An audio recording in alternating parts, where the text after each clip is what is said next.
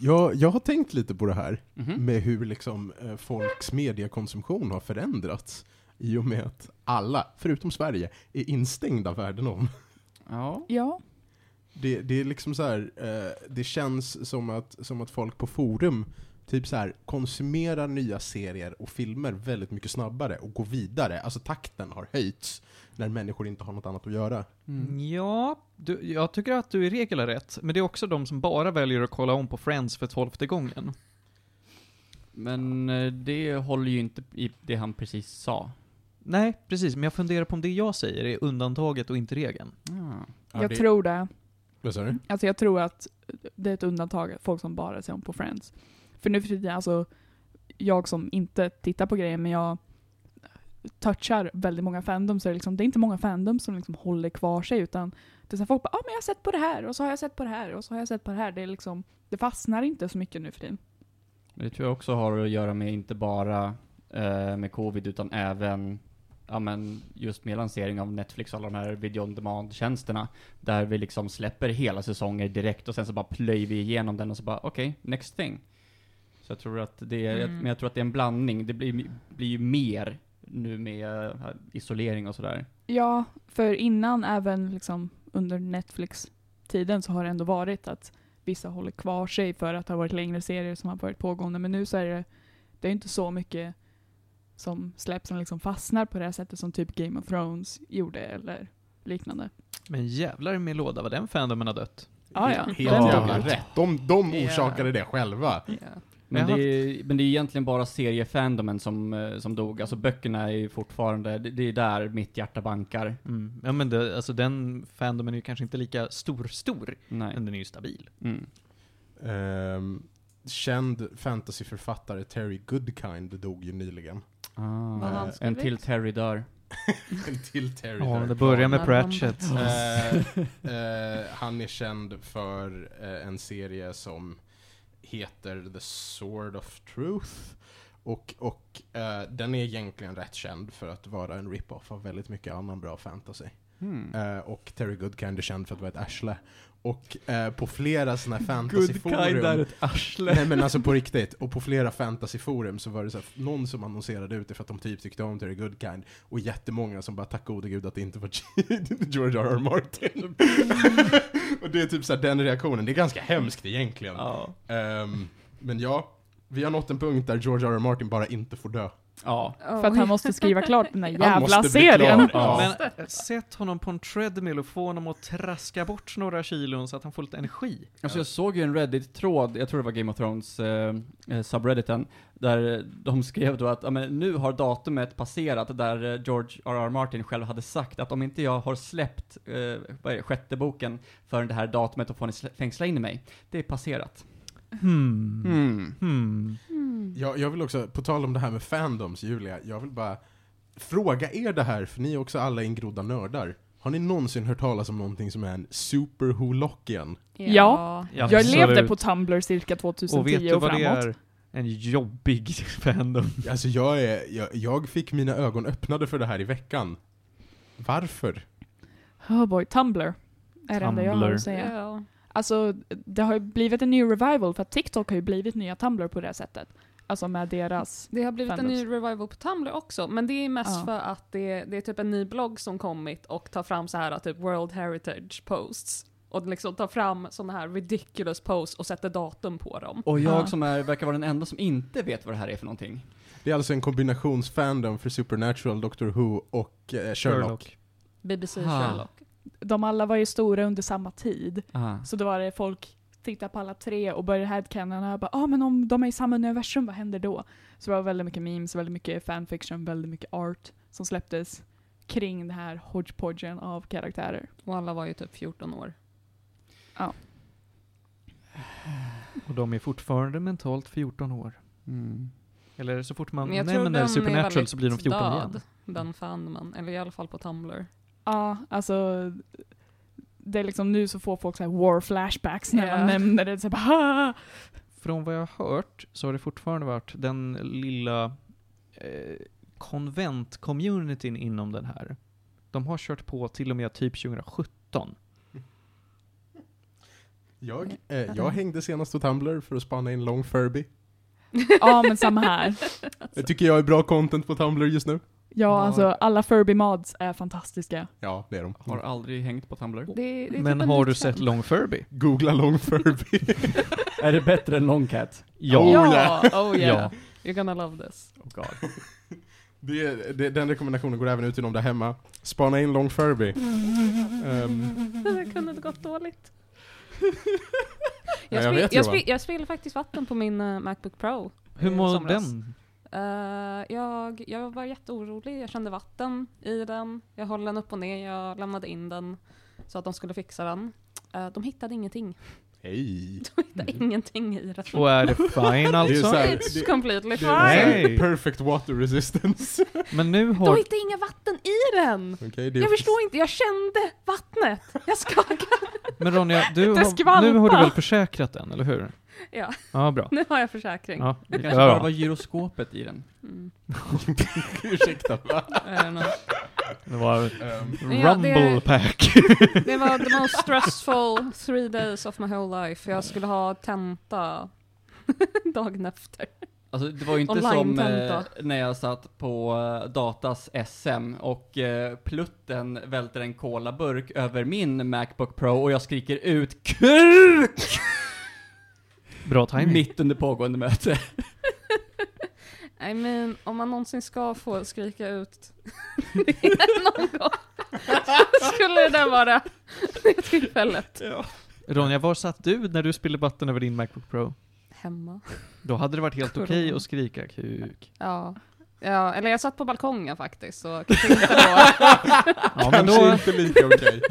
Och jag vet att de under oss har en bebis, så Ja, du, bor, du bor i ett väldigt fint, lugnt område i Nej. Solna. Jag tycker det. nej. Va? Det har varit typ bomb threats, det har varit polis eh, vid parken under oss.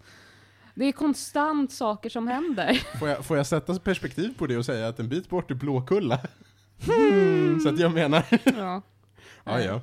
Alltså det, det är ju fint, det är bra familjeområde, men det händer shit. Jag tänker så fort dagis är högljutt så kan man gå ut på balkongen och skrika. Ja, då, I mean, de, vet, de kommer inte veta vem som, var det kom från. Det var from above.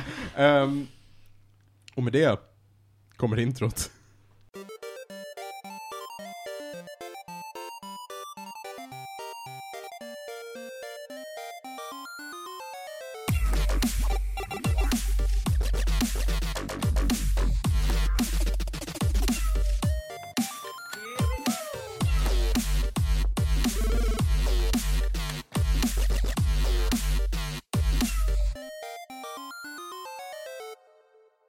Välkomna ska ni vara till avsnitt 58 av Medis Radio, Trendigt Värre, podcasten om all typ av möjlig fin och ful kultur. Va?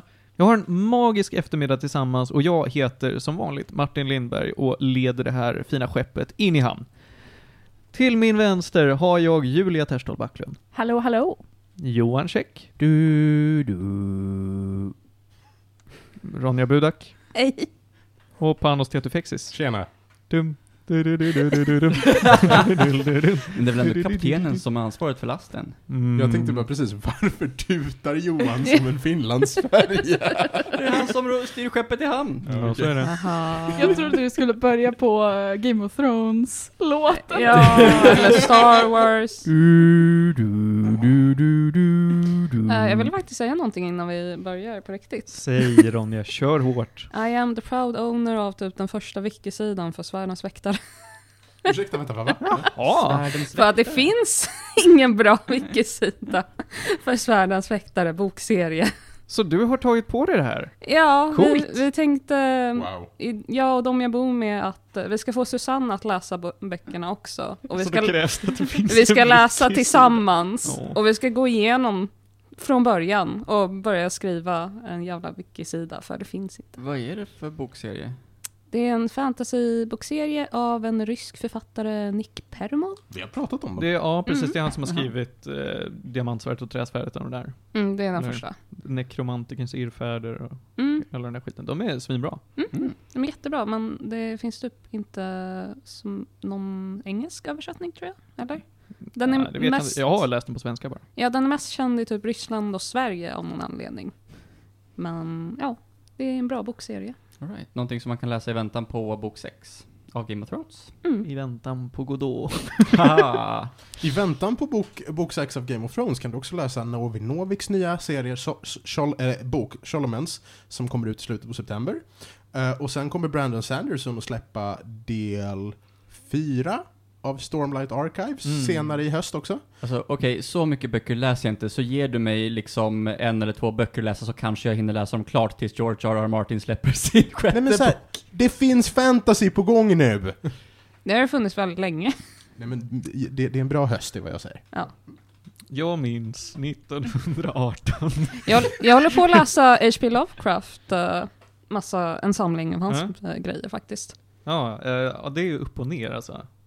I, i, i kvalitet. ja, Alltså, det är det säkert. Han är, han är ju en bra idéskapare men en fruktansvärd eh, människa. Ja, Vilket ofta, vilket ofta återspeglar sig i hans verk. jag vet. Mm. Jag fick, eh, jag fick i födelsedagspresent en väldigt fin boksamling som hade jättefin print på sig. Ja, och då, då den. var jag så här lite orolig för... Ja, du såg den? Ja, Ja. Du la ut den på, jag tror det var Instagram eller Snapchat. Ja, någonting. Men ja, jag var lite så här orolig för att eh, jag har ju hört väldigt mycket om hans rasism och grejer. Men de hade, i början hade de faktiskt tilltalat det här väldigt mycket också. Och då blev jag väldigt glad över det.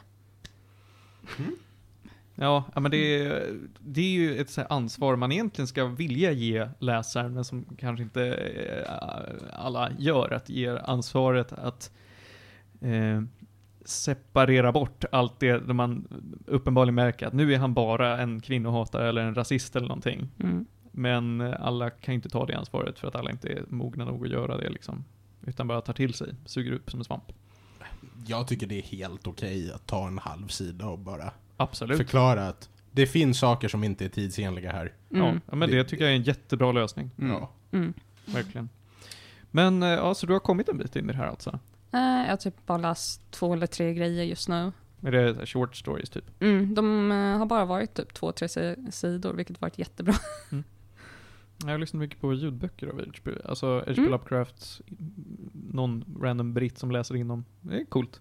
Då, jag har faktiskt en podcast jag kan rekommendera då. Eh, The Magnus Archives, om någon har hört talas om den. Nope.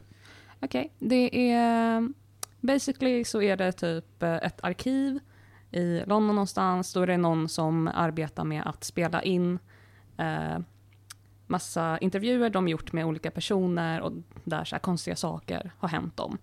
Och eh, under seriens gång så är det också någonting som händer i bakgrunden och med karaktärerna som man typ får träffa. Och eh, typ varje episod är en liten creepy story. Och så får man höra så här, eh, han som läser in hans notes på saker och sånt. Coolers balolers. Mm, väldigt bra. Hörrni ni, vi ska prata om eh, vad vi ska prata om idag. En massa roligt. Ja, först så har Pano spelat något av de nya Wolfenstein kan jag tänka mig. The New Order New Order till och med. tog jag tag i. Johan, du har eh, framförallt spelat gacha-spelet Seven Deadly Sins. Och kolla på Netflix-serien. Ja. Eh, jag och Julia har sett nya, ska vi säga nu, för nu är den inte så ny, men eh, senaste Team Star-Kid-musikalen Black Friday. Mm. Eh, Ronja, du har sett Lovecraftian County. Mm, det som finns än så länge. Mhm, mhm.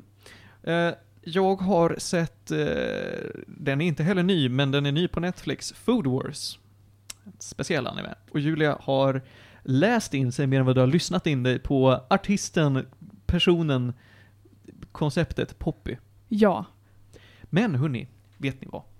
Jag har en rolig nyhet. Mhm. Oj. Det är avsnitt 58 Mm. Mm. och vi har fått vårt första riktiga lyssnarbrev. Oh. Okej. Vi har fått ett mejl från Anton ifrån Örebro som skriver så här. Hej Medis Radio. Jag skulle vilja se er prata om spel ni spelade när ni var små. Tack för ett bra program, Anton. Jag kan redan här börja svara på det ämnet. Kör hårt.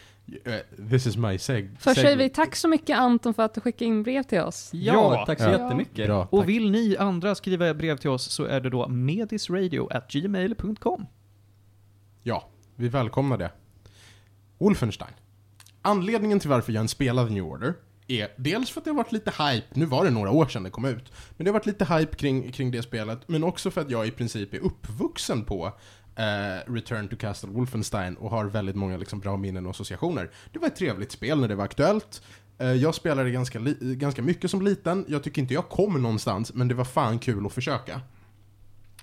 Så jag gav mig in på att spela Wolfenstein The New Order, ehm, och jag kan helt ärligt talat säga att jag hade väldigt kul. Mhm. De har fått till känslan jättebra, eh, spelet rör sig framåt väldigt dynamiskt. Eh, vapnen är för det mesta väldigt tillfredsställande, vilket är ganska viktigt i ett Wolfenstein-spel. Det är liksom en stor del av det. Du ska skjuta nazister och det ska kännas bra. Kan jag fråga, vad handlar Wolfenstein om? Jag som inte är med det här alls. Utmärkt. Döda nazister. Utmärkt. Precis. Jag tror du, sa ut som Graut. Ja. Nej men utmärkt. Du, du är, du är BJ Blazkowicz. Bla, Blazkowicz. Mhm. Någonting. Och eh, amerikansk soldat i och efter andra världskriget. Eh, och du dödar nazister. Och det är liksom det sammanhållande temat för hela Wolfenstein-serien. Och sen har det varit, det har varit lite så här. ehm, en, en återkommande fråga, vad hade hänt om Tyskland vann kriget? Mm. Eh, och hur dystopisk hade kontinenten varit efteråt? Och vad gör du som rebell för att stoppa det? Eh, det är egentligen ganska mörka themes om man tänker efter. Det är väldigt mycket eh, tortyr och, och, och eh, ja, du vet, dödsläger och sånt.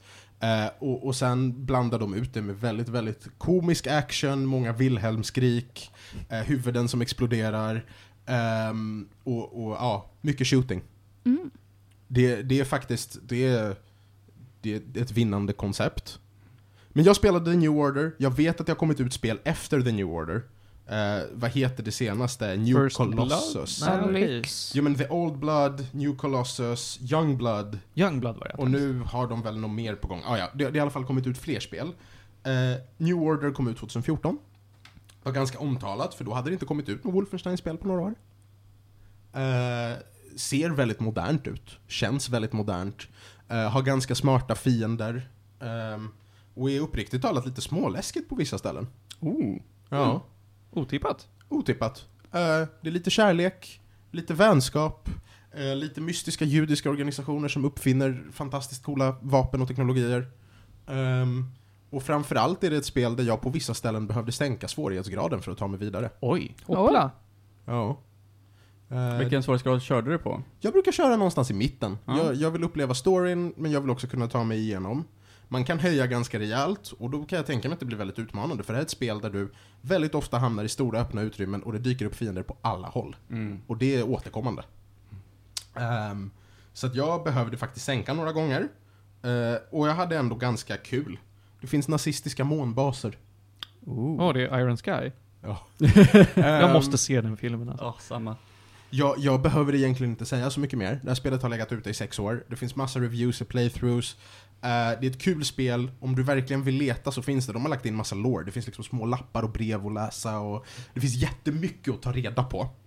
Om, den här, eh, om det här Europa efter kriget där nazisterna har vunnit. Och de är jättehögteknologiska och eh, plågar allt och alla.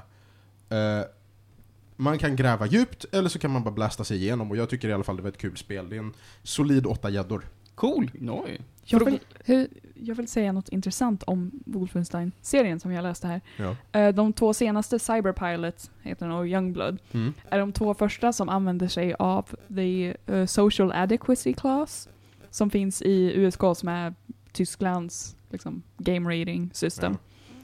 Ehm, för att kunna få använda faktiskt nazist liksom, imagery. aha. I sina spel. Men ändå så vägrar Tyskland att sälja spelen osensurerade. Så de har Mm. tyska versioner där det inte finns någon talan om nazisterna. Mm.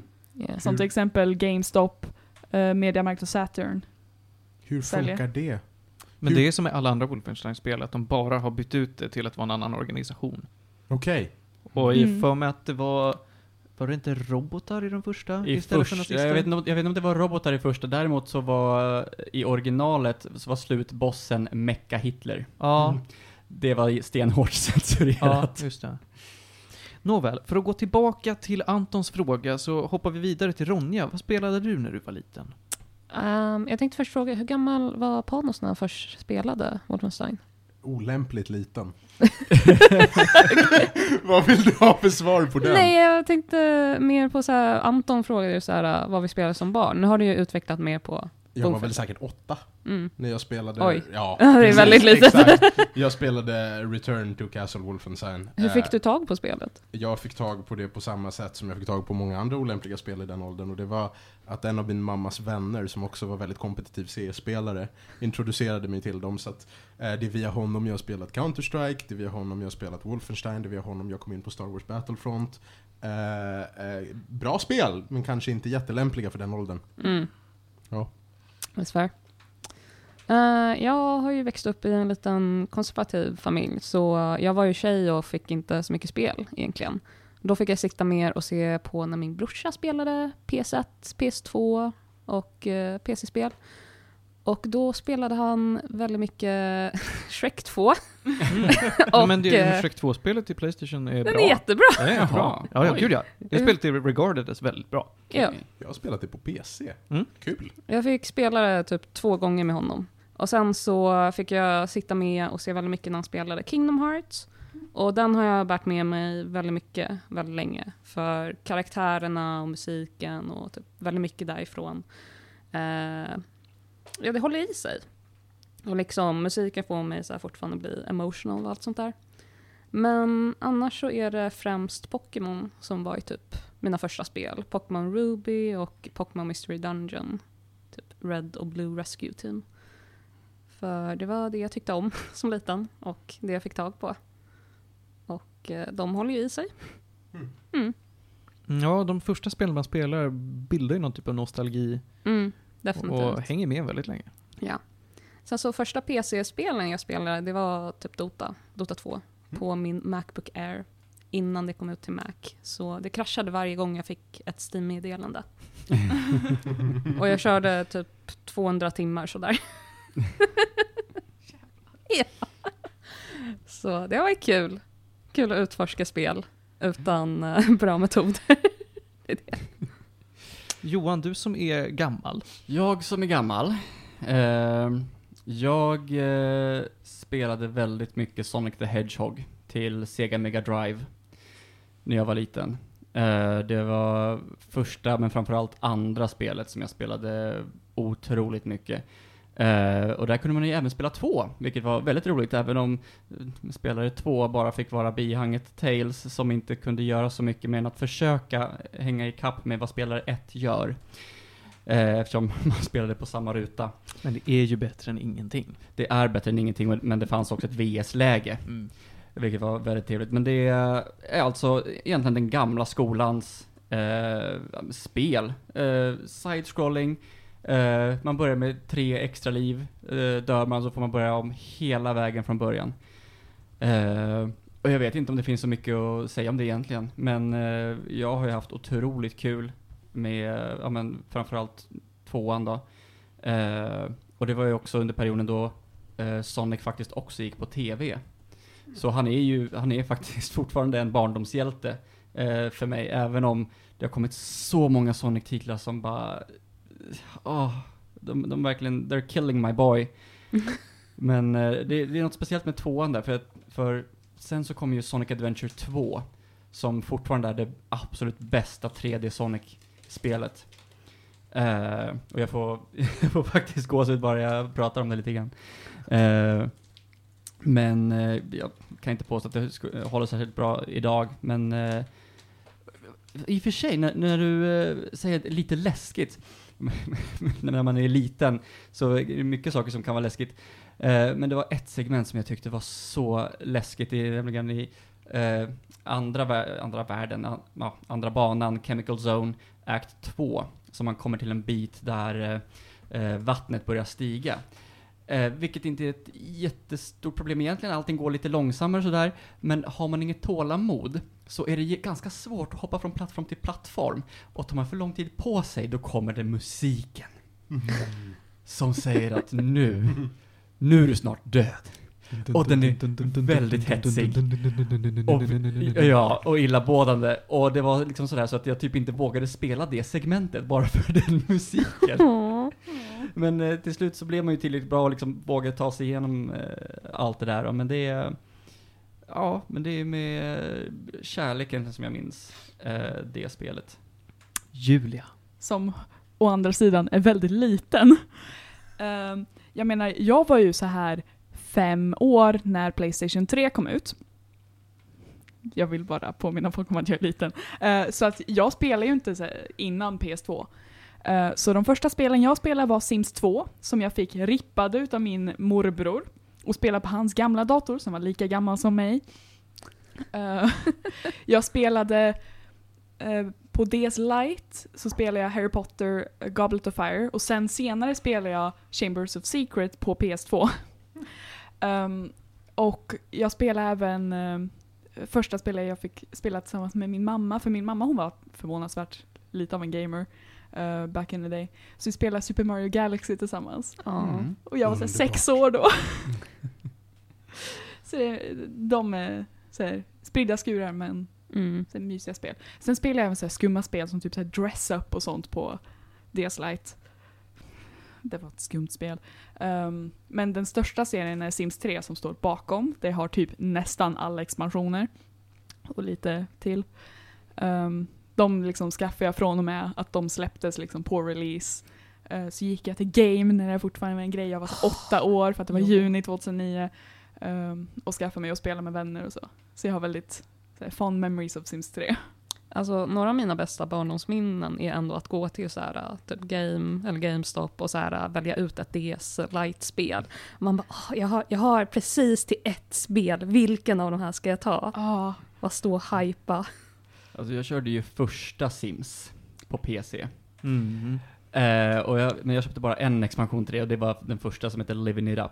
Och jäklar vilken stor expansion det var för då kunde man ha en robot servant. Men jag menar, man, i den åldersfasken, jag spelade ju inte spelet som man skulle. Jag gick bara in eh, i, eh, i fusk och så spammade jag Rosebud.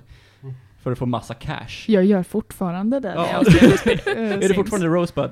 Ja, den finns kvar. Det är Nice. legacy-grej, men de har även uh, Kaching och Mm. Motherload. Mm. Motherload är den stora, för den ger en 50 000. Mm. Ja, Panos? Jag har aldrig spelat Sims utan att använda fusk. Så att det är det. Ja. Ja, samma. Jag har aldrig spelat en eh, alltså Sims utan att hela min familj är gröna. Ha. Mm. För det är så vi jobbar i min familj. Och på tal om min familj, så ligger det ju till så att jag började spela spel när jag var väldigt liten med tanke på att jag hade en pappa som gillade spel och en storebror som gillade spel. Men jag hade också en lilla syster att behöva samsas med när hon blev tillräckligt stor. Och jag har en familj på som har väldigt olika synsätt på spel. Min pappa som är väldigt liberal med det och säger kör hårt grabben, gör din grej och min mamma som säger att spel är satan. Så. Best of both worlds. Ja, eller hur? Eller hur? Så att jag kan, jag, eh, ja det har varit väldigt speciellt kan man väl säga. Jag klarade mitt första spel när jag var tre, minns jag. Jag har fått det här Oj. bekräftat. Att det var Kalankas Going Quackers. Ah. En Just eh, rip-off på Crash Bandicoot. Kan man säga. Alltså det är så Babys First Crash Bandicoot. Mm. Kanonspel för, för vad det är. Men ju äldre jag blev och desto äldre min lilla syster blev, desto mer blev det så att vi fick spela spel och vi kunde samsas. För vi var väldigt osams. Vi bråkade enormt mycket. Så då blev det att vi eh, någonstans då blev sams genom att spela spel för att vi behövde hjälpa varandra. Vi var tvungna att samarbeta. Eh, eller bara lära oss tillsammans. Så att då hade vi spel som Heroes of Might and Magic 3. Mm. Det spelade vi väldigt mycket, både mot och med varandra. Eh, och det fick vi ju ofta hjälp med av vår storebror för att liksom kunna ta oss framåt och sånt där. Eh, vi körde också, det här är så kul för jag hittade det förra veckan när vi hjälpte dig att flytta Panos. Mhm. Hittade jag en skiva med det här hemma hos dig. Ja. Ett spel som heter Eric Sonics. Ja. Och det fick du i ett Kelloggs-paket. Japp. Oj. Det är mina flingspel. Jag har en hög av flingspel. Jag älskar det. Det här är ett, eh, ett pusselspel helt enkelt. Man, eh, man är ett litet eh, rymdskepp på en tvådimensionell yta kan man säga, fast det är så här isometriskt, att det ser 3D ut, men man kör egentligen bara i två dimensioner. Tänk dig att du är på ett bräde, ni ska åka runt på det här brädet för att fylla i olika rutor. Tänk dig Snake, men istället för att du äter upp grejer som gör ormen längre, så ska du bara stänga in olika områden. Oh shit, jag tänkte Metal Gear först. Ja. det blev väldigt konstigt. Tänk dig Snake. Jag bara, vad fan gör han här? Arkan. eh, svinkul var det i alla fall. Eh, och precis så här lagom snabbt in, snabbt ut pusselspel som alla kunde vara med på. Eh, jag körde även mycket Donkey Kong Country. Mm. Det var väldigt trevligt. Ja. Och det sen blev det så att vi liksom körde mycket spel vi kunde spela tillsammans, antingen på Playstation eller på PC. Det var mycket sådana här hot seat PC-spel. Det var populärt hemma. Där är många syskon som alla gillar spel. Jag tror jag har nämnt det här, men jag brukade ha eh, en, en instans av MAME 32. Ah. Proppfull med olika så här, emulatorer. Huh. Så att det spelade jag också ganska mycket när jag var liten. Mm.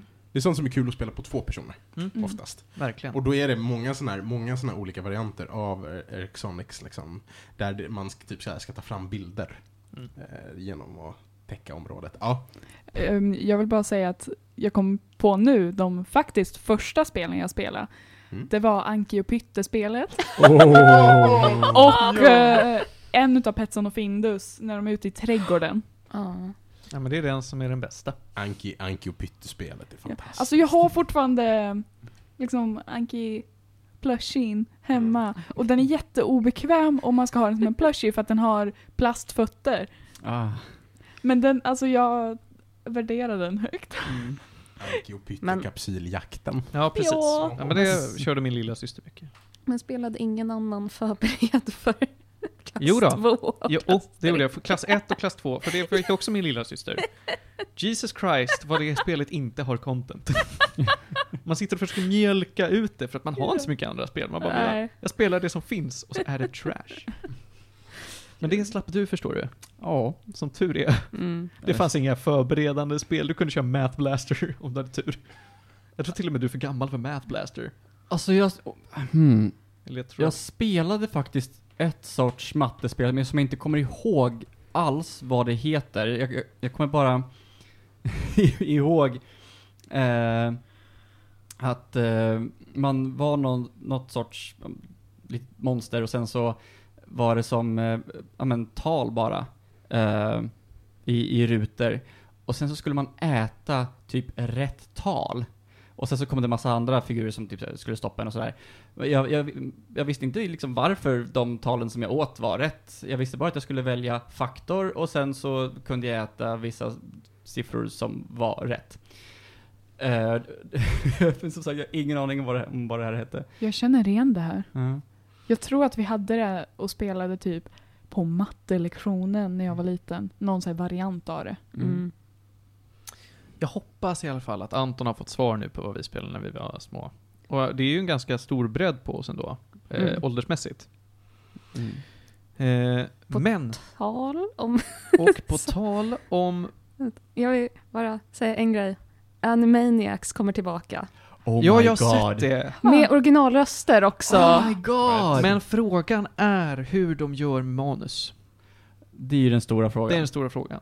Men ehm, Jag tror det kommer bli bra alltså. mm, det, det finns i alla fall anledning att eh, hålla ögonen öppna för. Mm. Nu hörni, nu Mm. tycker jag vi går vidare i dagordningen här. Och pratar det, den om har vi. Seven Deadly Sins. Om Seven Deadly Sins. Och då ska jag börja med att berätta en liten historia. Eh, Året var. året var i år, faktiskt. Men jag kan prata som att det var mycket tidigare om du vill. Ja! Eh, Journalfilms-Johan, ja! Eh, nej men eh, jag satt ute på altanen med min syster. Och eh, min systerdotter kommer och eh, ja, hon vill eh, ladda ner ett nytt mobilspel. Men hon vill inte riktigt säga vilket det är. Var på min eh, systers eh, son då säger ah, yeah, Seven Deadly Sins och det blir lite bråk sådär.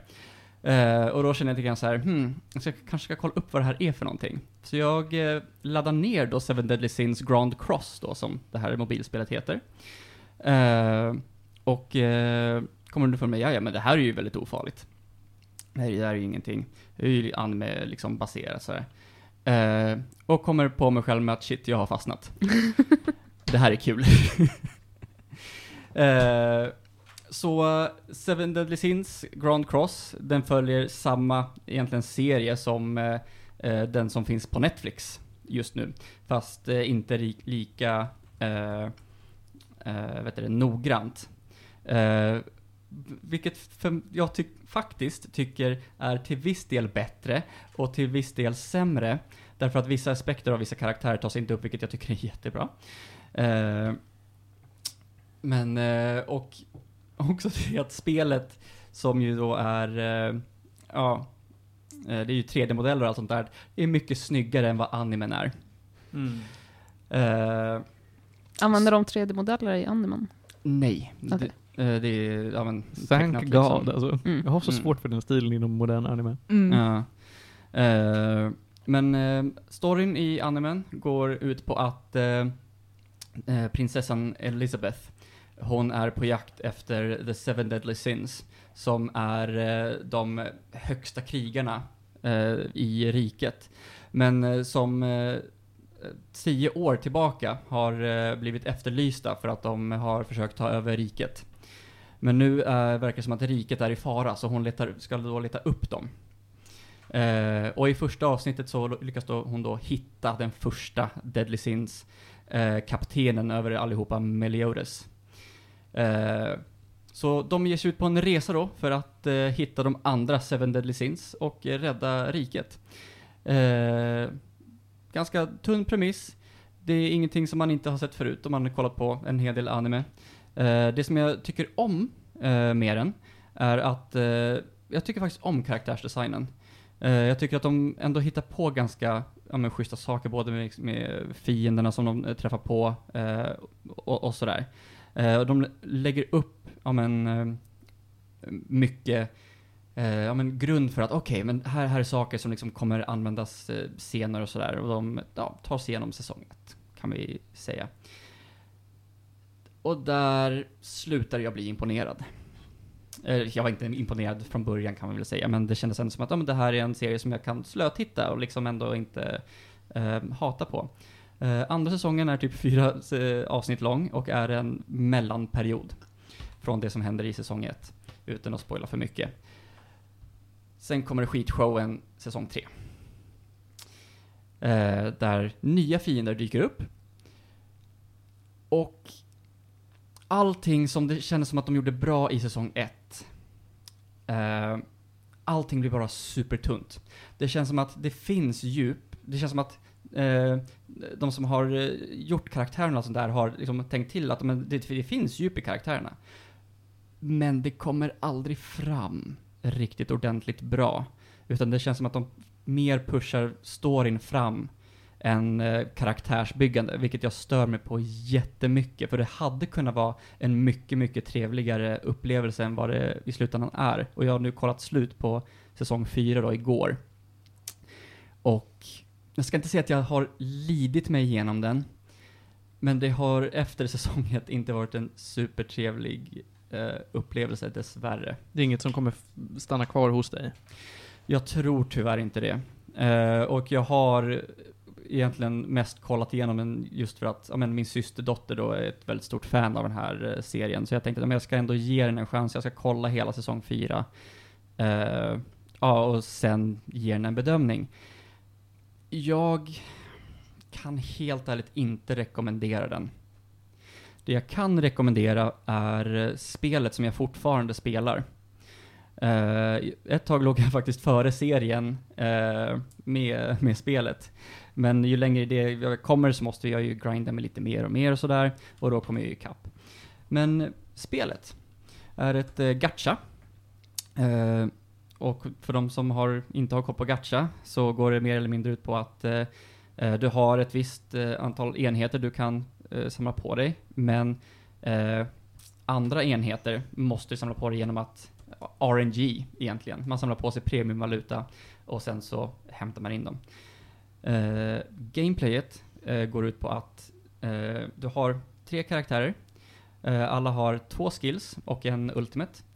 Eh, och i strid så har, kommer det som kort eh, längst ner. Som du då använder då för att eh, slåss med. Men du kan också göra dem starkare genom att kombinera då eh, ja, men samma, samma attack eh, sorts kort eh, för att göra dem starkare. Eh, och det, här finns det faktiskt ett väldigt djup. eh, tycker jag. Du, du kan, eh, du har eh, debuff, du har buffs såklart, heals. Eh, men du har också att om fienden är debuffad så gör du mer skada. Och, och mycket fler mekaniker, så det finns jättemånga olika sätt att eh, bygga lag på. Eh, och att ta sig an om fiender. Uh, storyn är jättelång, det finns jättemånga olika modes. Och bara dailies, ja, kan jag liksom pyssla med både eh, till jobbet, tillbaka från jobbet och även lite till. Eh, och när jag inte spelar så kan jag sätta saker som jag behöver grinda för att ja, men, levla upp eller dylikt. Eh, sätta på auto. Eh, så att, för att, och jag är då helt free to play. Och jag känner fortfarande att jag kan göra väldigt, väldigt mycket i det här spelet. Så jag har, jag har väldigt kul med det här.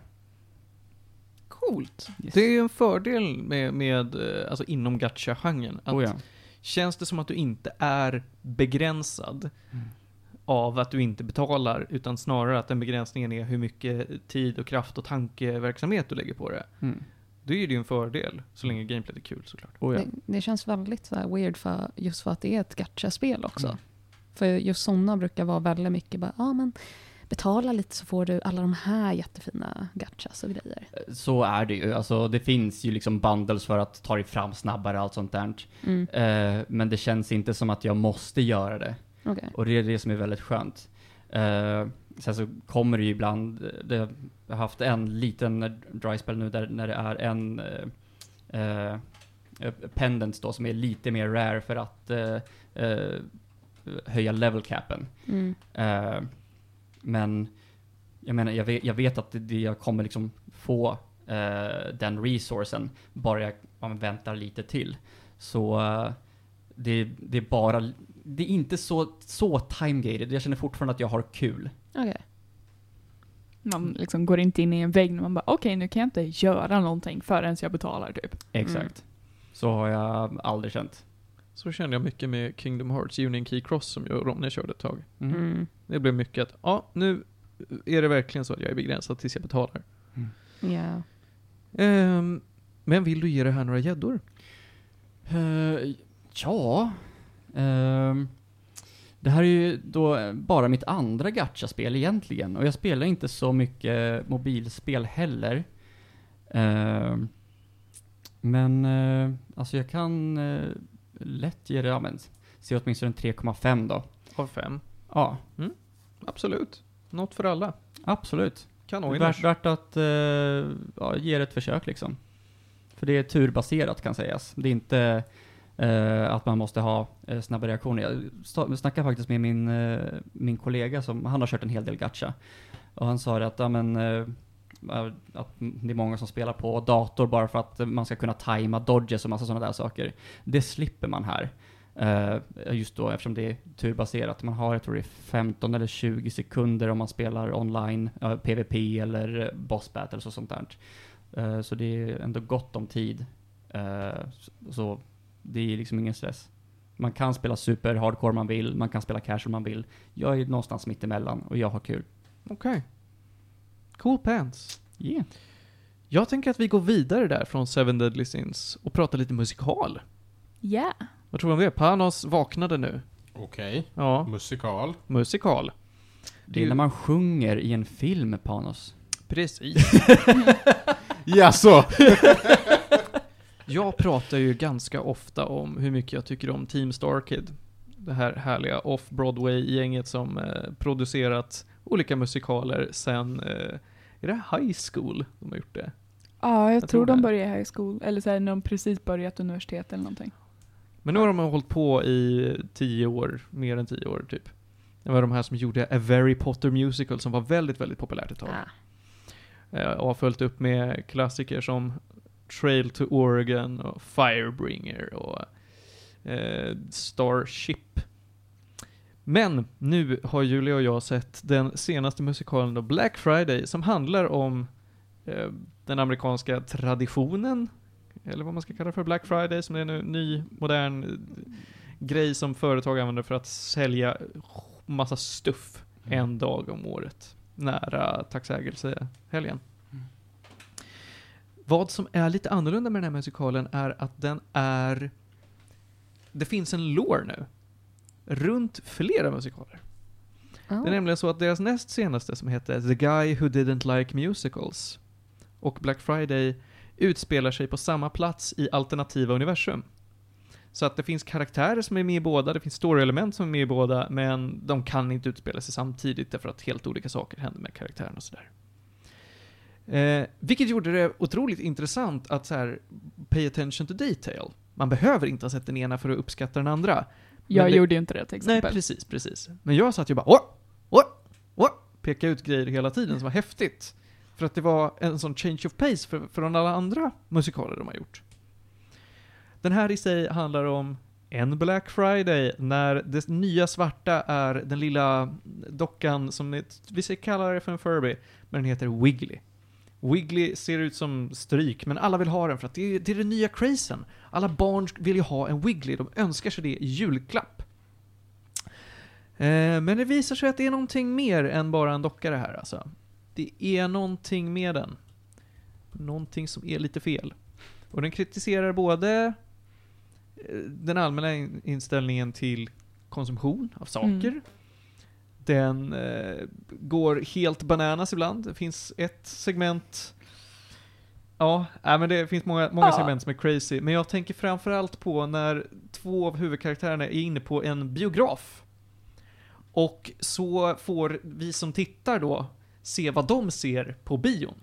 Vilket är en high school-musikal om jultomten. Som, eh, som låtsas vara high school kid. Och de Ja. kör på det här ett tag alltså. Ja, den kommer ju tillbaka ibland. Ja, visst. Så här, varje gång de går in i den här biografen, för det är ju vid två olika tillfällen, så har de ett litet segment där det är så ja men det här är det som visas. Och det är jättekonstigt men jätteroligt. Mm. Musiken är som vanligt superduper bra. De flesta skådespelarna har varit med mycket förut, så det är mycket så här bekanta ansikten och kanske inga som har varit med från början, men så här, vad heter det? Kvalificerade nissar som ändå varit med lite grann. Eh, och all in all, riktigt solid, även om jag inte tycker det var den bästa premissmässigt kanske. Alltså genomförandet kanoners, det var mest att den inte fångade mig på samma sätt som många andra musikaler som de har gjort. Har gjort. Eh, Men det är ju lättare för dig Julia, som det här var den första Team Starkid-musikalen du såg. Och den enda du har sett. Alltså jag har ju sett delar av A Very Potter Musical Mm. när den kom ut. Jag kommer knappt ihåg den för att jag var liten då. Ehm, men alltså, den var, den var weird. Jag hade lite svårt för de flesta sångarnas röster dock. När de sjöng. Det är såhär, ja alltså det är ju solid och de kan ju sjunga men jag tycker bara inte om hur de låter. Oj. F- får jag fråga, är det eh, original music eller plockar de med musik man känner igen? Det är bara original music. Mm. Alltid varit det. Ibland när de gör såna här riktiga franchise-grejer så märker man att de har tagit inspiration från musik. Typ n- när de har gjort en spoof på Aladdin. Så har de tagit lite inspiration från musiken från Aladdin Disney-filmen. Mm. Men inte mer än så. Är det, är det bra original music eller är det väldigt, väldigt sån här smörig, musikalig original Nej, music? det är väldigt, väldigt bra original music. Framförallt texterna är ju fantastiskt roliga. Så att jag sitter ju ofta och lyssnar på musikalnumren på Spotify. Bara för att de by themselves är så himla bra. Och det är ju fruktansvärt mycket fokus på att det här ska vara humoristiskt, men spännande. Så att, eh, ja, men för att ta upp, eh, min highlight från just den här musikalen är att de klipper till vad Amerikas president gör. Han eh, tycker att det här är fruktansvärt, men han vill ju också ha en Wiggly. Gud vad han vill ha en Wiggly. Och hans vicepresident spelas av en kille som har, alltså det, det är, sån här, det är väldigt tunna karaktärer som är lite one-off. För att det, de är inte så många skådisar på väldigt många roller. Så alla de här mindre rollerna, det är mycket så här, ja men jag har en gimmick och sen är jag ute och syns aldrig igen. Så att man kommer ihåg, ja ah, det är en snubbe som gjorde det där. Och den här vicepresidenten, eh, han som spelar den gör exakt Barack Obama-röst. Mm. Så att det är väldigt så här, när han pratar. Som att han eh, skulle hålla ett tal till nationen. Men han pratar bara med presidenten. Och försvarsministern. Och det är så roligt att bara ha den lilla... Va? Sen tycker jag, han är inte upp igen. Men det är sånt som de här lite mer moderna musikalerna ridar på. Att de balanserar intressanta karaktärer som man följer länge med riktigt kul gimmick som kommer och går och stannar inte längre än vad de är roliga liksom. Det är ingen som hinner bli jobbig eller tråkig. Så här, big plus. Och alla de här musikalerna finns ju att se på ex- antingen deras egna hemsida eller på YouTube. Um, någonting de har profilerat sig i är ju att de spelar in väldigt högkvalitativt. Liksom sina musikaler, de är ju designade för att bli Mm. inspelade liksom. Ehm, så att det är väldigt bra kvalitet överlag på allt. Så. Um, ljussättningen är ju gjord för att kameran ska tycka det ser fint ut mer än för liksom, publik när de har spelat in det. Så det är nice. Jag tänker ge den här Jedder alldeles, alldeles strax, men jag vill också påpeka att som du sa Julia, när du kritiserade många av sångarna, så håller jag helt med dig om att vissa i ensemblen har mer soliströster än ja, ensembleröster. Mm. Vilket är synd. Men när de väl, men det är också för att de är så få skådespelare, så att man måste kunna lite både och. Ja. Och de är ju kanske inte experter på att kunna både och allihopa. Eh, lik förbannat vill jag ge den här en 7 av 10. Det var väldigt bra, men det var inte det bästa. ja, samma här. Det var liksom, it was nice. Jag som inte har sett någonting innan bara, ja, den är ändå solid. För att utspela sig i samma universum som The Guy Who Didn't Like Musicals så föredrar jag ju den tusen gånger framför den här. Och det var det. Ja. Nu hörni, nu ska Ronja få lysa med Lovecraftian County. Tell me about this. Jag hade ju sett fram emot den här eh, faktiskt, som ändå, ja men, jag ska inte säga att jag är belevad, men eh, jag har ändå lite koll på, eh, men Lovecraft-universumet. Mm. Jag har verkligen Men- inte hört talas om att den här var en grej. Mm. Nej, jag såg bara att den skulle komma när jag var inne på HBO och skulle se på annat. Och då hypade jag upp det. Mm. Men den ser ju så jävla tilltalande ut. Ja, Alltså, all reklam jag sett är bara såhär, oh, oh, det här vill jag ha. ja. Mm. Sen så... eh, Den, den är ju faktiskt väldigt hemsk, lite. Det eh, utspelar sig i 50-talet, Amerika, Chicago tror jag. Och då är det väldigt mycket så här segregation och sånt där. Men alla huvudkaraktärerna är eh, mörkhyade och eh, spelar väldigt bra. Men, får se.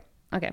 Eh, huvudpersonen är Atticus, någonting, någonting last name. Och uh, han uh, har precis kommit tillbaka från eh, Vietnamkriget. Eh, hans... Mm, Korea va? Ja, det måste nog vara Korea. Korea. Sorry. Ja, jag var såhär, Vietnam var nog senare. My bad. Eh, hans mamma är död sedan ett tag tillbaka tror jag. Och hans pappa har försvunnit. Så han kommer tillbaka för att eh, han ska försöka leta upp sin farsa. Och innan han försvann så hade han skickat ett brev till Atticus där han hade snackat om att han försöker hitta hans mammas eh, vad heter det, släktingar och eh, vart hon kommer ifrån och grejer. Och att det han har hittat så här konstiga grejer där som han måste prata med Atticus om. Så Atticus, eh, han ska åka iväg med eh, sin farbror och eh, åka till där de sist visste att han var. Och hans farbror jobbar med att han gör en liten guidebok för eh, mörkhyade personer som typ säger här är det typ okej för oss att vistas, här försöker eh, folk mörda oss och sånt där. Så det börjar typ med att de uh, åker till någon liten stad. Och uh, de, då kommer polisen och försöker mörda dem. Och det är väldigt läskigt, Ja. hela grejen. Och sen så liksom, det här var första episoden och jag var typ, men kommer det vara så här horror, actual like sci-fi horror? Eller kommer det vara mer så här bara mänskliga saker? Och sen så kommer det jättestora och jätteläskiga sci-fi monster. Ja, ja, det är ja. eh, i slutet av första avsnittet. Och eh, det byggs på väldigt bra. Och grejer. Och eh, ja, basically så det är fem avsnitt ute just nu. Man, det är väldigt mycket så här äh, magi, men typ mörk magi som kommer. Och sen så finns det typ en organisation som håller på med magi som de försöker så här, ta reda på mer om och försöker skydda sig själva och sina vänner och familj. Och äh, just nu är det typ man försöker få reda på mer om huvudkaraktärens familj och hans, och, eh, hans historia. Ja. Och det är så långt som det typ kommit. Hur mycket balanserar de liksom horror med drama, med sci-fi mysterium? Mm, det är inte så mycket sci-fi just nu och det är jag lite ledsen på. För det var typ det jag var sugen på. Men jag antar att de kommer bygga upp till det väldigt mycket. Eh, de första avsnitten hade typ väldigt mycket magi och grejer som hände men sen så dog det av lite och då blev det lite mer drama och eh, mysterium. Mm. Men den håller min uppmärksamhet. Och eh, ja, det är typ det jag kan säga. Mm. Du nämnde att i första avsnittet så var det mycket fokus på segregation. Det är det genom hela serien. Okej. Det är en väldigt stor del av eh, serien och det kommer nog hålla i sig. Och de håller inte tillbaka hur de visar? Nej, det är Nej. verkligen hemska grejer som händer. Både inom så här eh, riktiga världen och den magiska världen så är det väldigt mycket segregation och eh, Racist aliens. ja, I don't know. This, this human looks better than that human. What? Nej, nej, sitter vi och tittar och säger. Usch. Och sen så är det, det är så snyggt CGI. Det är skitsnyggt och det har verkligen kommit jättelångt. Det är, I senaste avsnittet så är det någon som typ cheddar skin. Och det, de gör en hel scen av det. hur Allting fallerar och det ser så riktigt ut. Och så gory. och blodigt. And I'm loving every moment of it. Men det är nice, för Lovecraft är ju verkligen, ja men, gory, blodig, Ja, exakt. allt. Så jag älskar att de håller i det. Och det är ju verkligen ett, eh, ja men, stort universum att utforska där. Mm. Så man hoppas ju att... Så det är, eh, liksom, det är det jag undrar, vilka specifika stories som de typ tar med. Nu så, jag kollade lite på Wikisidan och tydligen så är det baserat på en bok Mm. som är typ baserat på Lovecraft. Så jag gissar på att de kommer hålla sig lite till den. Även om jag inte vet vad den är baserad på. Coolt. Mm. Vill du hittills ge den några gäddor eller vill du vänta tills Jag vill den är vänta klar? faktiskt. Mm, Nej, men det är re- rimligt. rekommenderat att titta? Ja. Nice. Det gör jag. Grymt. Coolers. Mm. Ja men då så, då hoppar vi raskt vidare. Mm. Varför vänta? Nu ska jag nämna lite kort om Food Wars. Food Wars är en anime som eh, är gjord av, alltså skaparen är en gammal hentai-manga-skribent, eller hur? Jag tror det. Det här är inte en bra start. Nej, jag förstår att det låter jätteläskigt. Ja. Eh, men den här personen har då bestämt sig för att nej men jag ska göra en serie som inte är en hentai. Men jag ska samtidigt eh, klappa mig själv på axeln och berika vad jag har gjort tidigare. Det här är, handlar om en snubbe, en tonårssnubbe, som jobbar med sin pappa på ett eh, familjeägt eh, ja, nudelställe, eller en restaurang helt enkelt. Och de är superduktiga på att laga mat. Den här pappan har varit en mega bra kock, känd världen över och grejer. Eh, och hans son försöker gå hans fotspår.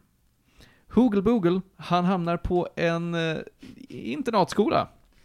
Mm. Med, för liksom de bästa kockarna i världen ska utbildas där. Så att det är eh, lite slice of life med väldigt extrema karaktärer inom matlagning.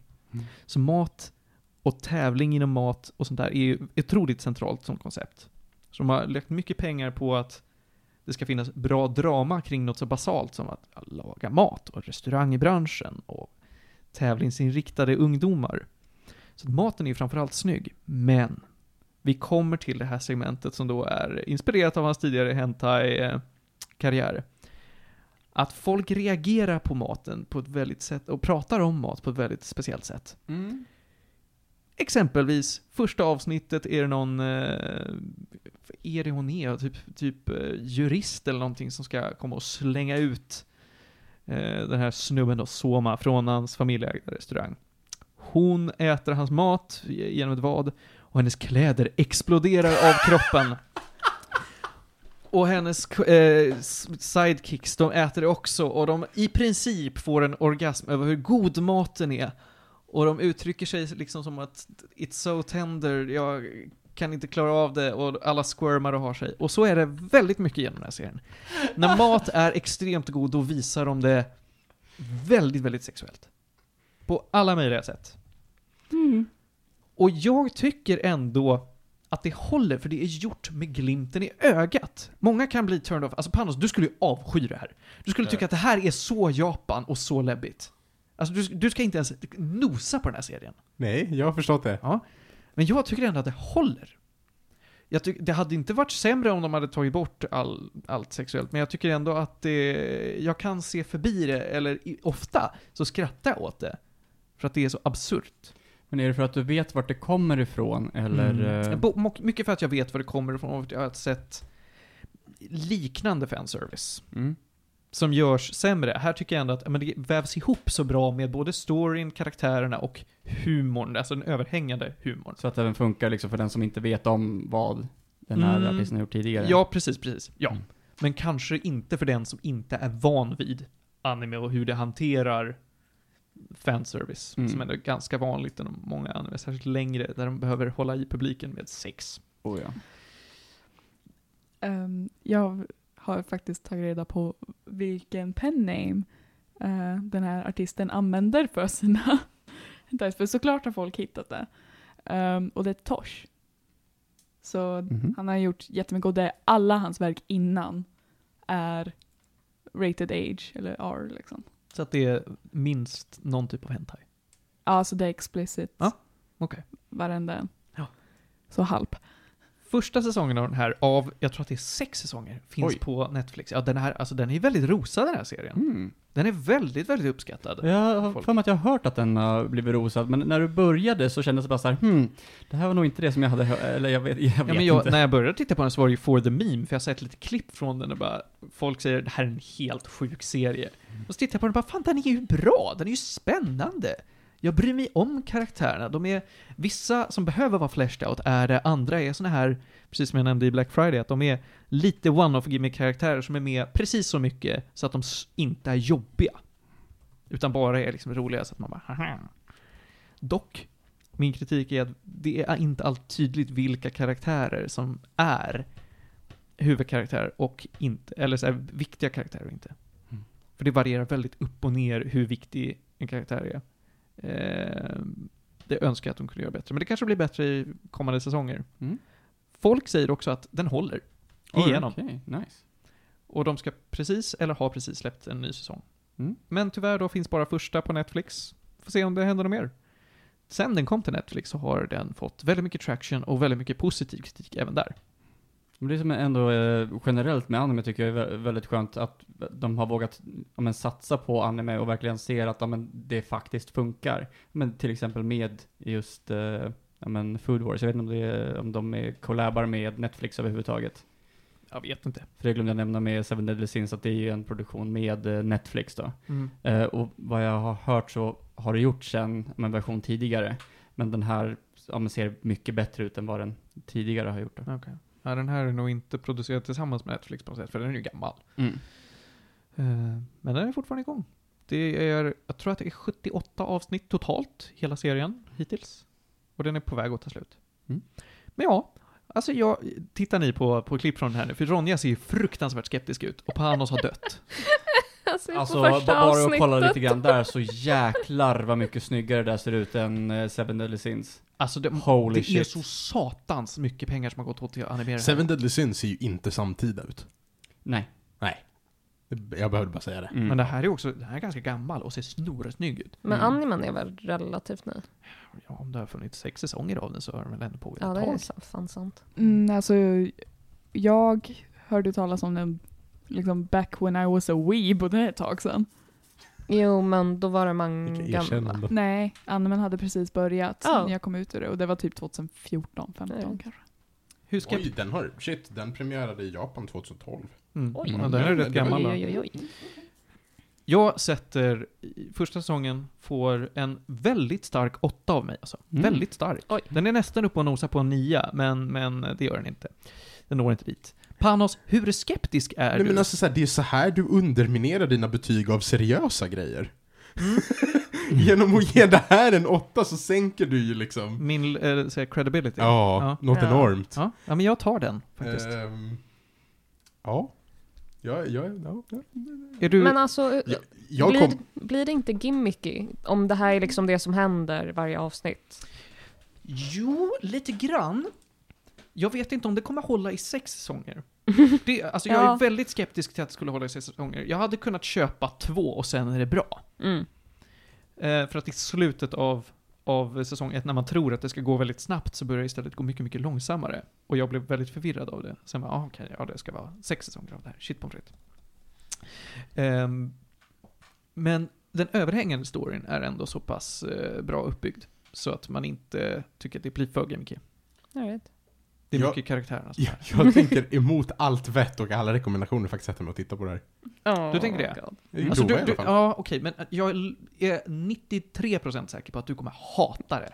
Så här, med tanke på att jag inte ens klarade av One Punch Man Vilket är väldigt folkligt. och, Mm. och har tagit mig, jag, jag klarade två avsnitt av uh, Full Metal Alchemist Brotherhood. Ah, ja, jag Den vet. är ju faktiskt bra. Ja, mm, sure.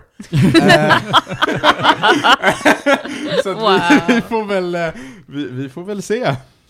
Keep us updated Panos. Jag lovar. Nu tar vi och går vidare hörni.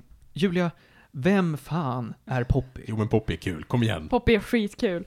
Eh, så Poppy hon började bli känd typ cirka 2013 på YouTube. Som vad? Android Entity, alltså det var de byggde upp ett helt så här, typ universum där hon egentligen inte var människa riktigt och att hon hade en puppet master eh, som styrde. Så hon släppte väldigt surrealistiska och lite halv-weird videos och folk tyckte det var skitkonstigt. Bara vad är det som egentligen pågår? Uh, numera är hon sångare och religiös ledare. Eh, Hon är typ inte religiös ledare längre, kyrkan har ju stängt. Ah, okej. För att den var uppe väldigt länge. Ja. Så hon är bara ledare, men inte religiös? Hmm. Mm. Alltså är det Eller en riktig religion, religion eller är det Nej, det var en här- ganska mimig religion. Ja, Den var okej. väldigt mimig. Um, alltså, det var i samband med hennes första album så startade hon upp en hemsida där de så här, pledgade allegiance till henne och hon blev gud, typ. Det var weird. I alla fall. Ehm, hon eh, samar- eller samarbetade eh, med eh, Titanic Sinclair och dejtade även honom ett tag. Ehm, med honom så producerar de eh, det första albumet, Poppy.computer, som är såhär bubblegum pop och allting är så bright och rosa och håller på. Ehm, Skulle Joar gilla. Mhm. Eh, nästa album de släppte ehm, var Am I a Girl? Ehm, och det kom under tiden hon började utforska sin identitet mer. Så här bara, är jag faktiskt kvinna eller vad är jag? Typ så. Uh, därav namnet. Uh, och då började hon gå mot mer så här, typ pop metal, uh, new metal och touchade lite grann på heavy metal. Eh, uh, så hon började utforska det. Uh, någonstans efter det så gör hon slut med Titanic Sinclair och lämnar honom som producent också efter många år av manipulation, säger hon. Um, och släppte då sitt senaste album I Disagree som går in på ren heavy metal och industriell rock. Hmm. Så den, folk säger att det är väldigt här, makabra musikvideos där det är, liksom, det är mycket gore, det är mycket mörka teman liksom som hon visar.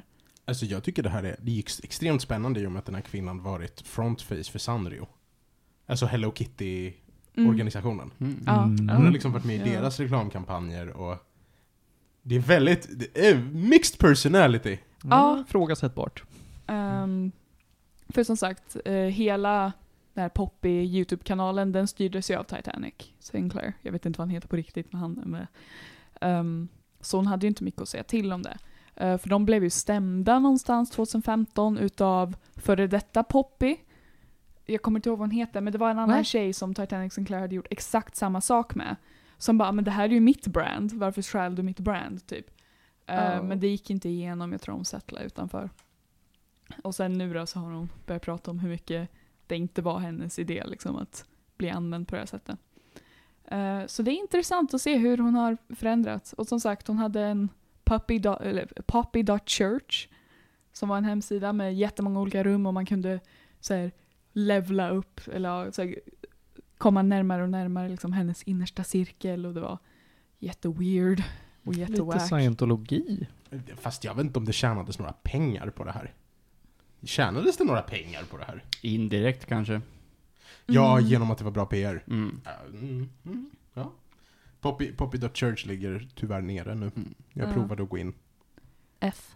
Det var 2018 hon började med Poppy Dot Church. Det var inte så länge de höll på alltså. För det var liksom, de tog ju folks telefonnummer för att skicka random meddelande vid en specifik tid, 3.36. Um, Alltså hela grejen är rolig. Jag tycker, jag tycker det var en häftig grej. ja, Ja. för det var verkligen såhär ja ah, men man skapar avatarer och så finns det chattrum så det var inte så farligt. Ja, Det var bara- KP-webben. Habbo hotell. Ja! Förhoppningsvis utanför, Oh eller utan all grooming. Ja, exakt. Och, eh, och multiboxare som formar svastikor. Mm. Ja, hallå, pools closed.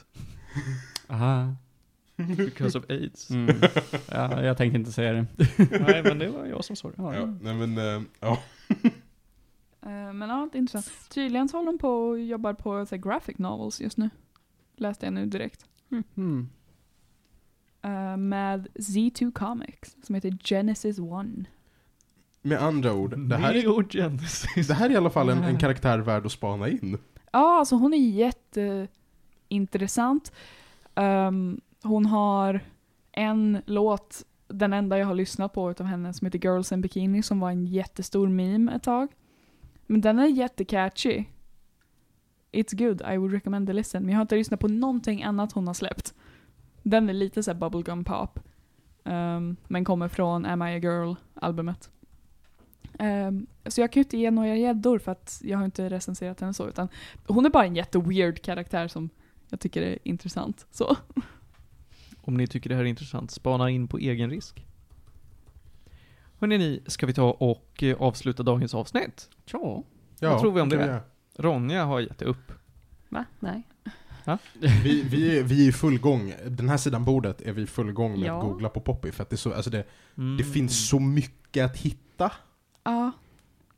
Det här är, det här är bra. Eh, två avsnitt i rad har du tagit upp skeva creepy saker jag känner mig manad att kolla in. Jag, jag vill att vi fortsätter segmentet eh, Ju, Julia brings weird. I'm on that! I would, yeah, sure. Jag kan hitta weird saker. Och medan du letar weird saker så tar vi tre snabba. Först så ska vi rekommendera Big Top Burger. Och eh, det är en eh, original eh, animerad webbserie av eh, Worthy Kids. Som är en animatör som jag följt väldigt länge. Vad ser man Online. den här? Youtube. Cool! Och han har gjort det i samarbete med andra personer och det är helt gjort i Blender. Och Mm. följer en eh, food truck och de som jobbar där. Och då är det clowntema över hela grejen. Cool! Julia, du vill rekommendera Ooblets. Ja, eh, det är ett gulligt litet spel som släpptes i år. Eh, ligger rätt billigt på Epic Games om jag inte minns fel. Um, och det är så här, man typ, s- det är lite så här gullig Pokémon för man samlar ihop så här små ublet som är så här gulliga kreaturer och så har man dance battles med varandra. Och alltså det är fantastiskt gulligt. Eh, I can recommend. Och eh, jag tänker ta och kapa eh, tre snabba för att vi ska ha eh, något att kolla på, något att spela på, något att lyssna på. Och Mm. så tänker jag ta och rekommendera eh, Black Eyed Peas näst senaste album, Masters of the Sun volym 1. Du vill rekommendera det alltså? Absolut. Shit pommes frites. Mm. Tror kunde jag inte tro. Och jag kommer prata om Black Eyed Peas nästa avsnitt. Mm. Det, deras musik har tagit en, en, en bra sväng. Mm. Vi ska ta och avsluta. Jag ska dock nämna att just nu så jobbar jag med det här att lyssna igenom en artists diskografi helt igenom, sakta men säkert. Nu har jag kommit till Jethro Tull och det är fan svårt alltså. Oj, Eh, oj, oj, oj. Det har jag faktiskt också gjort. Eh, jag uh, lyssnade igenom Bombfuck MCs. Oh, Ja, är det också svårt? ja, det är svårt. Ja, ja, men vi kämpar på helt enkelt. Mm. Hörrni ni, tack så mycket för att ni var här. Panos, Tack, tack. alltid lika roligt. Ronja, Hej hej. Johan Japp, japp, japp. och Julia. Alltid lika kul att vara här med. Mhm, du bor ju här. Ja, jag vet. Visst är det coolt? Och jag heter Martin och jag är en skön snubbe. Puss och kram hörni och nyp i stjärten.